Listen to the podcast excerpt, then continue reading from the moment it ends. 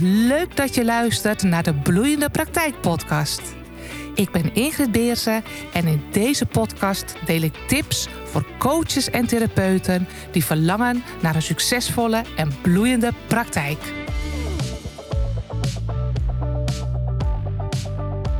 Een van de manieren om meer lol, plezier, maar vooral ook meer groei in jouw praktijk te krijgen, is om vaker afstand te nemen.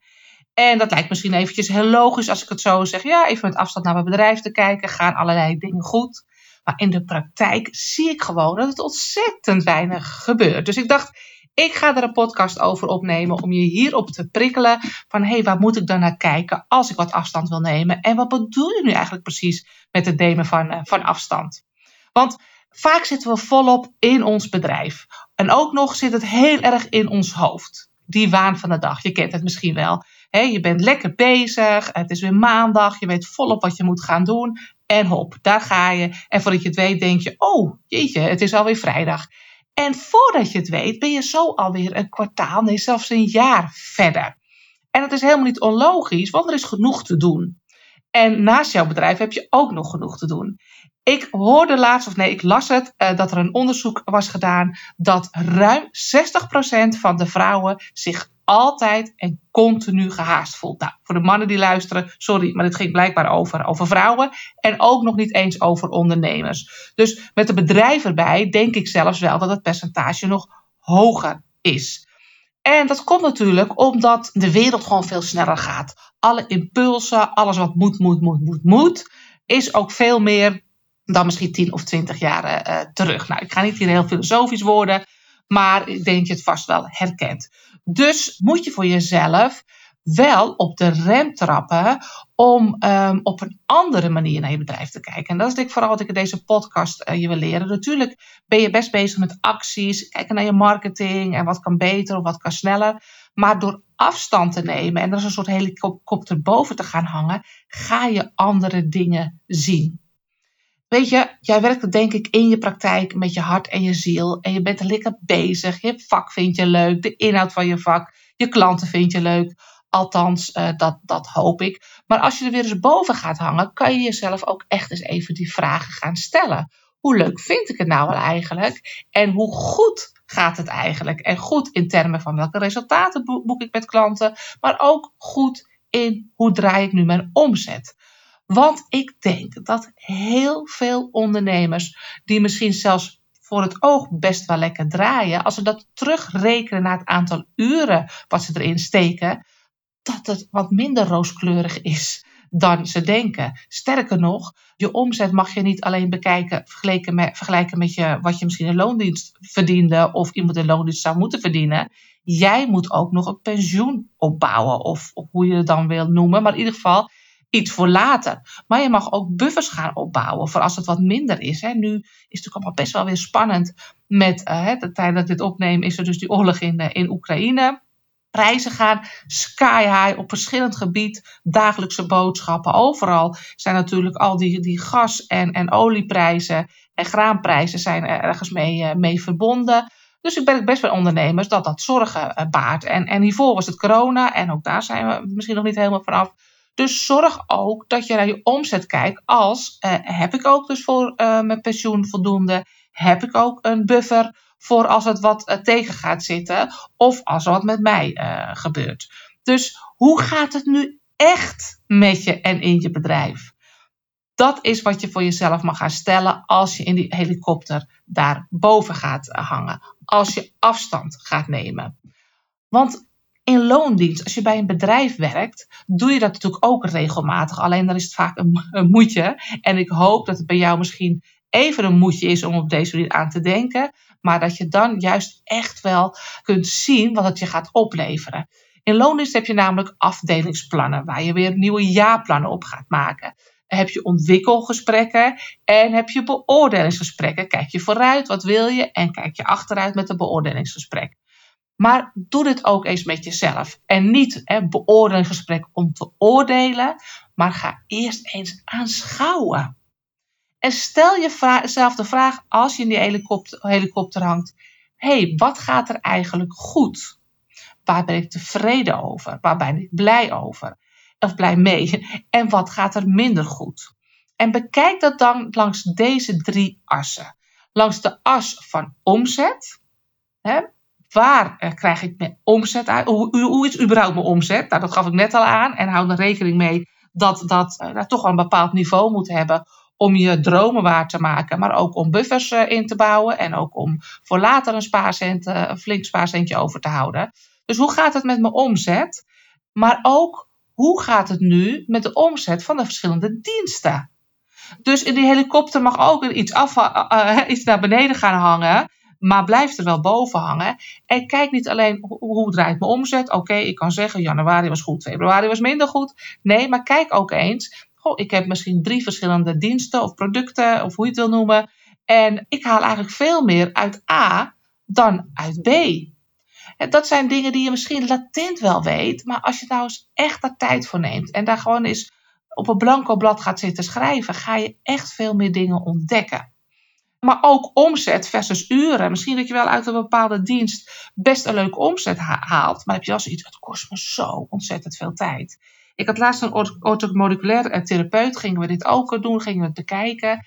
En ze had best een aantal dingen met EMB-testen, er zo'n bloedtesten erin. En dat verkocht ze best leuk. Dus dat gevoel was, dat kan ik niet gaan missen, dit. Hè, op de manier ze dat had neergezet. Want dat levert me heel veel omzet op. Maar er zat ook ontzettend veel tijd in. Dus echt uiteindelijk de omzet en dus winst per uur was veel en veel lager. Dus uh, op een gegeven moment mag je ook uh, denken, kill your darlings, moet je dat dan op deze manier blijven doen? Nou, dat is alweer even stap 2. We hangen er nog heel even boven. Dus wat gaat goed, wat gaat er minder goed langs de as van omzet? Dat is een van de assen.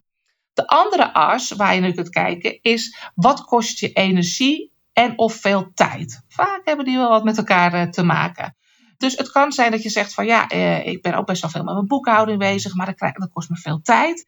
ik vind het ook vreselijk. Dan praat ik een heel klein beetje vanuit mijn eigen, uh, wat bij mij speelt. ik krijg daar echt geen energie van. Het kost me niet alleen tijd, maar ik, oh, het trekt bij mij heel veel energie weg. Maar kijk daar ook eens naar. Durf daar eens naar te kijken. Want als je wil groeien, succes heeft ruimte nodig. Moet je ook kijken waar de ruimte kan worden gecreëerd.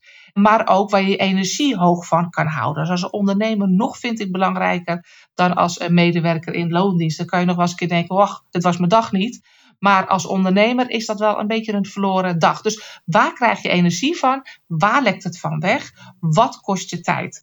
Ik ben eens met een klant dat echt gaan doen. Hè. Een klant die bij mij individuele coaching uh, deed. En die stond op een kantelpunt om naar next level eh, te gaan. Daar zijn we eerst gewoon de lijst gaan maken.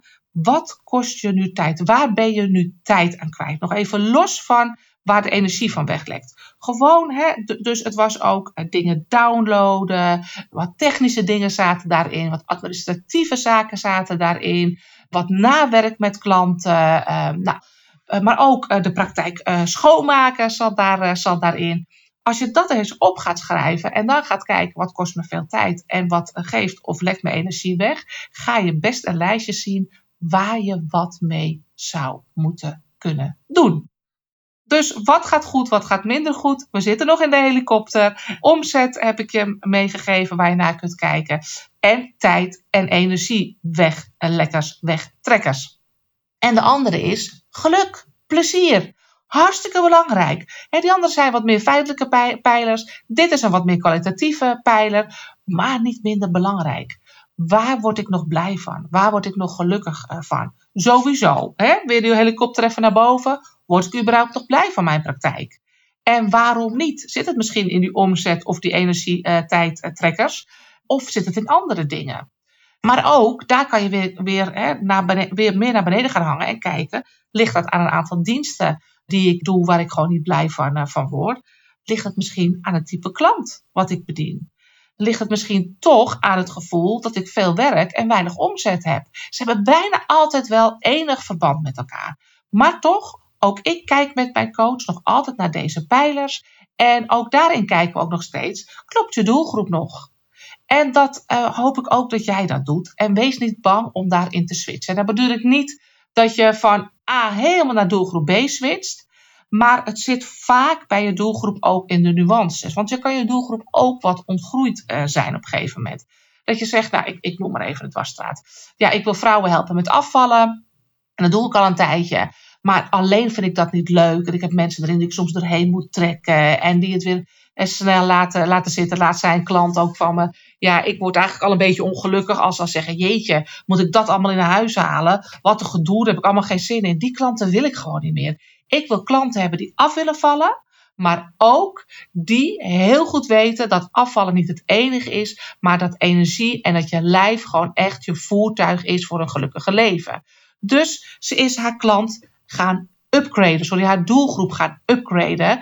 En dat heeft allemaal weer kleine upgrade gevolgen voor haar, haar messaging, dus haar positionering. Uh, wat zetten we op de website? Waar kunnen we dat ook nog even wat meer doorheen laten, laten voelen? En misschien in de dienstverlening. Vaak zit het meer in positioneren en meer in teksten. En hoef je niet eens zo heel veel meer om, omver te gooien. Maar daarmee kan je wel weer jouw geluk in je praktijk en je energie wil laten stromen, omdat je erachter komt, ik word niet zo gelukkig meer van mijn doelgroep. Het mag even een andere standaard eh, krijgen.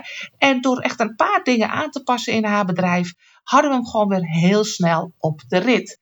Maar je ontdekt dit pas als je erboven hangt. dus wat gaat goed, wat gaat minder goed over de assen omzet, energietijd en geluk, plezier. En kijk dan ook vooral naar feiten. Dat is vooral ook wat ik je gun. Want je kan heel veel dingen op gevoel doen, maar gevoel klopt niet altijd. wees, daar, uh, wees daar heel erg alert op.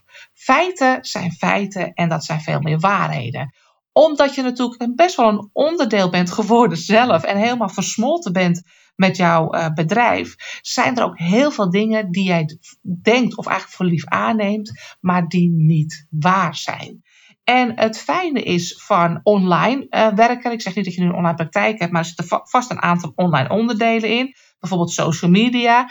Daar kan je al dingen uit gaan lezen. Daar kan je al evaluaties uit maken. Misschien ben je bezig met e-mailmarketing, MailBlue, La Posta of iets dergelijks. Een bron van informatie. Maar je kunt ook klanten vragen door feiten te achterhalen. Laat ik een voorbeeld uh, geven. Ik had één klant die best lekker bezig was met e-mailmarketing. Hè, waarde gaf, dat ook snapte. Haar lijst was ook lekker aan het groeien. Maar op een gegeven moment zei ze: Nou, Egert, ik vind gewoon niet dat het werkt. Het werkt niet voor mijn doelgroep, die e-mailmarketing want ik haal er geen klanten uit. En toen zijn we daar goed naar wezen kijken. Want de aanname was: het werkt niet bij mij, ik, hè, het werkt niet voor mijn doelgroep. Dat vooral. Uh, e-mail marketing past niet bij mijn doelgroep. Ik haal er niks uit. Allereerst moet je goed ook weten waarom je e-mail marketing doet en of je e-mails wel goed aansluiten bij je doelgroep. Nou, dat was bij haar best wel het geval, moet ik zeggen. Want ze had niet heel veel uitschrijvers. Maar dat is weer een feit waar je dus even naar kan kijken. Heb je veel inschrijvers? Klikken de mensen het veel open? Ze had best wel wat bounces erin zitten. Dat betekent dat mensen hun e-mailadres niet helemaal goed hadden uh, opgegeven. Nou, een aantal feiten gingen we, uh, gingen we uh, langs. En nou, best wel een hoge openingsrate. Alleen wat daar gebeurde, was dat de trigger die ze daarin deelde, om ook uiteindelijk te zorgen, want dat, dat is ook waar je e-mailmarketing voor doet. Natuurlijk, het gaat om geven, geven, geven. Daarbij bouw je vertrouwen op. Maar bij e-mailmarketing gaat het er ook om dat je dingen inbouwt waardoor mensen in actie komen, waardoor ze dichter bij je komen. En bij de, van dat dichter bij je komen, daar krijg je klanten uit niet direct, natuurlijk gewoon wel een paar, maar niet direct heel veel direct uit je e-mails. Bij mij is het niet zo van dat ze denken, oh gaaf e-mail, bam, ik stap in je programma. Daar moet iets tussen zitten, waardoor ze echt van, naar mij gaan ervaren. Want bedenk, e-mails zijn gewoon nog steeds gewoon letters. zijn gewoon letters. En uit letters verkoop je niet zomaar een programma van 600 euro. Hè? Dat was bij deze klant het, eh, het geval. Nou, wat deed zij? Zij bood elke keer uh, eigenlijk het kennismakingsgesprek aan. Waar ik sowieso niet zo'n superfan van ben. Niet dat je geen kennismakingsgesprek moet aanbieden. Maar het is, uh, ja, het is niet de trigger waar mensen op inspringen. Als ze al hartstikke van plan zijn om met jou aan de slag te gaan, ja, dan gaan ze kennismakingsgesprekken aanvragen. Maar e-mailmarketing is om mensen die een, een reisje lopen, een oriëntatie- en zoekproces ingaan en naast jou dit ook bij andere concurrenten van jou doen. Dat jij iets aanbiedt waardoor ze extra waardepiek ervaren, maar ook jouw energie en kennis en kunde ervaren door jou live te zien, te ontmoeten, te spreken, telefonisch, online of uh, offline. Voordat ik daar te veel over, uh, over uh, uitweid, had zij dat dus veel te weinig. Dus wat zag je gebeuren? Dat zij onder in de e-mail continu zei: vraag een kennismakingsgesprek aan, wil je meer over weten? Bel me gerust. Dat, dat soort dingen. En dat waren gerust wel eens een paar klanten geweest. Maar heel veel, voor heel veel is die drempel gewoon te hoog om maar even te bellen of een kennismakingsgesprek aan te bieden. En oh ja, ze had ook een paar keer in één keer het programma voor 600 euro aangeboden. En dat kan ook niet. Dus precies tussen die twee dingen was nog een wereld te winnen daar zat gewoon een weeffoutje in. Dus ze was hartstikke goed bezig. Alleen het opstapje op de ladder, hè, eigenlijk moet je aanbod altijd een laddertje zijn, die klopte niet. Dus al had zij hiermee gestopt, had ze echt uh, het kind met het badwater weggegooid, om het zomaar, uh, om het zomaar te zeggen.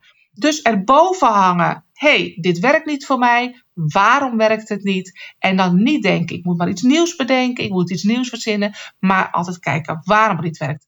Dat kan alleen, uiteraard, misschien met een beetje hulp. Dat is waarom ik ook altijd een ondernemerscoach eh, heb, omdat je het soms zelf niet meer ziet, die weeffoutjes. Maar goed, daarom zat ze ook bij mij en konden we dat gewoon goed analyseren. Maar dat kan alleen om even uit je bedrijf te stappen.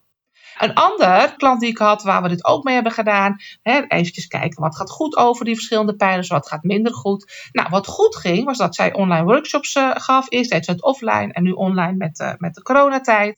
En daar kreeg zij toch best wel veel, echt vond ik soms behoorlijk veel, aanmelders voor die workshop. Alleen wat voor klanten ze daaruit haalde voor haar programma, voor haar traject, dat viel wel een beetje tegen. Dus had zoiets, er moet wat anders komen. Dit werkt niet. Dit gaat niet. En vaak is dat wat we denken als we te veel in ons bedrijf blijven en niet erboven gaan hangen. Dit werkt niet, hup weg. Hé, er moet wat anders. Ik moet weer eens een keer iets bedenken. En dat kost veel tijd en energie. Want je kan beter kijken, wat gaat al goed en wat kan er dan beter. Dus even terug naar deze dame. Ze gaf dus een workshop. Best continu uh, veel aanmeldingen. Maar toch daaruit weinig uh, verkopen. En dat bleek eigenlijk, ze deed er wel een aanbod in, want dat deed ze hartstikke goed. Maar de opvolging en de trikken die ze daarin had om mensen ook, want nou, de, workshop is de hoog. Dus je moet ook wel zorgen dat mensen dan kunnen instappen. Dus de opbouw in de workshop zaten een aantal dingen niet goed en de opvolging naar de workshop niet. Maar voor de rest stond het al behoorlijk. Ze, vond, het op zich ook wel hartstikke leuk. Ze vond het minder leuk worden. Hier heb je er weer zo één. Ze vond het leuk. De klanten die ze had moeten vond ze leuk. Ze vond het minder leuk worden omdat er een frustratie uit uh, voortkwam. En vanuit die frustratie kan je zomaar een actie ondernemen door uh, te zeggen: ik ga het niet meer doen. Of ik moet het heel anders doen. Of, maar het zijn een aantal dingen die we bij haar recht konden zetten. Je ontdekt het alleen als je eventjes in die helikopter gaat zitten, erboven hangt. En als je natuurlijk geholpen wil worden met, ja, ik zie dat er een weeffoutje zit, of mogelijk is het zo, maar ik zie hem zelf niet meer. Ja, dan eh, help ik je uiteraard uh, uh, graag. Maar ik hoop dat je hier al uithaalt dat, dat die helikopter voor jou heel erg kan gaan helpen. He, vaak iets nieuws bedenken, daarin zit niet het antwoord. Bij mij is het eigenlijk dat ik altijd zeg: kijk en evalueer regelmatig door afstand te nemen. Evalueer op die punten wat ik zei. En uh, dingen die goed gaan, die zou je eigenlijk moeten verdubbelen. Want als één keer iets goed gaat, waarom herhaal je dat dan niet? Dat doen we ook best wel te weinig. Hè? Ik zie, ja, ik heb toen eigenlijk een actie gedaan en dat was heel leuk. Oké, waarom doe je het vaker? Oh ja, nou je het zegt. Ja, soms heel simpel, maar toch. Wat ging goed? Welke post ging goed? Ook op, op dat microniveau mag je wat meer kijken. Waarom gaan deze posts nou goed? Kan je gewoon in de statistieken kijken. En waarom gaan deze nu eh, minder goed? Maar dan moet je wel eventjes tijd voor nemen. Dus weer even afstand nemen, maar ook evalueren. Of als je op Instagram zit, welke hashtags doen het nou goed? Weet je, is even wat meer op microniveau.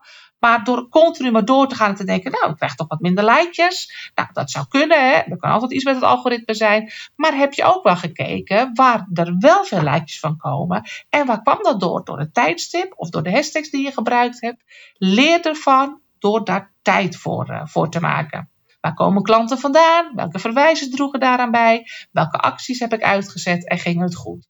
Dus wat goed gaat, verdubbel dat. Wat minder goed gaat, evalueer dat en hak dat in stukjes. Krijg ik te weinig mensen daarop binnen? Heb ik misschien daarna wel mijn trigger goed staan? Of nou, het voorbeeld wat ik gaf met die e-mail. Ze kreeg nog steeds uh, nieuwe mensen op de e-maillijst, dus dat zat goed. openingsratio was ook uh, goed. Alleen in de staart zat het niet, uh, zat het niet goed. Dus als, als het goed gaat, verdubbelen. Als het niet goed gaat, kijken hoe je het kan verbeteren. Want meestal gaat het 80% goed, maar zit het venijn in de staart of in een weeffoutje ergens tussendoor. En als iets niet goed gaat, dan mag je het ook mee stoppen. En ook die zie ik heel vaak niet gebeuren. Spannend, eng. Bijvoorbeeld die dame, die automoleculair therapeut, die uh, die EMB-test toen ze dat neer had gezet. Uh, dat ik eigenlijk zei, op deze manier, ik zou ermee stoppen. Hè? Kill Your Darlings. Dat is ook altijd een spannende. Ja, maar, en ik krijg dat toch wel, en dit en dat. Ja, nee, maar de feiten laten toch zien dat het daarna, dat het voor jou te veel tijd kost, te weinig opbrengt en dat er geen doorstroom in zit. Dus op deze manier gaan we ermee stoppen. En soms heb je iemand even nodig die dat tegen je zegt. Maar je mag het ook zelf gaan ontdekken. En ja, een ondernemer moet daar ook wel keuzes in durven maken. Je bent namelijk niet bij jezelf in loondienst. Je bent ondernemer. Dus erboven hangen, evalueren, conclusies trekken en keuzes maken. Dat is natuurlijk het proces wat je voor jezelf ook wel moet durven doorlopen. Anders schiet je er nog niks mee op. Nou, ik hoop dat dit jou uh, geholpen heeft om tijd te gaan maken om in die helikopter te kruipen die helikopter heel erg hoog te laten hangen. Ik zit nou met mijn handen in de lucht, zie natuurlijk helemaal niks van. Maar goed, dan kan je er een beetje visualisatie bij krijgen.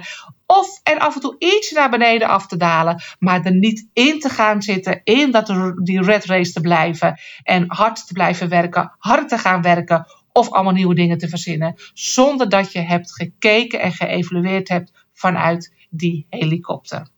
Ik hoop dat dit jou gaat, eh, gaat helpen, maar het helpt je alleen als je er ook wat mee gaat doen. En ik zou zeggen, de uitdaging uit deze podcast. Plan voor komende maand een dagdeel in. Ga ook in een andere omgeving zitten. Dat nog eventjes de takeaway uit deze podcast. Ik doe het wel altijd even in een andere omgeving. Dus, dus soms kan het gewoon in je huis in een andere omgeving. Dat ik gewoon lekker in een lekkere stoel zit. In plaats van hè, eh, aan een tafel of achter een eh, bureau. Maar het kan ook zijn dat je gewoon eens eventjes ergens anders naartoe gaat. Hè. Bijvoorbeeld in de, Val, in de Van restaurant heb je ook van die businessplekken. Kost je niks. Hele cappuccino erbij. Dit gaat je namelijk een andere blik geven. Dan als je het continu in dezelfde omgeving doet waar het ook gebeurt. Ik ben benieuwd wat je er weer van vond, wat je eruit kon halen. Ik vind het heel leuk als je het me laat, uh, laat weten. Maar vooral vind ik het heel leuk als je er wat aan hebt en wat mee gaat doen.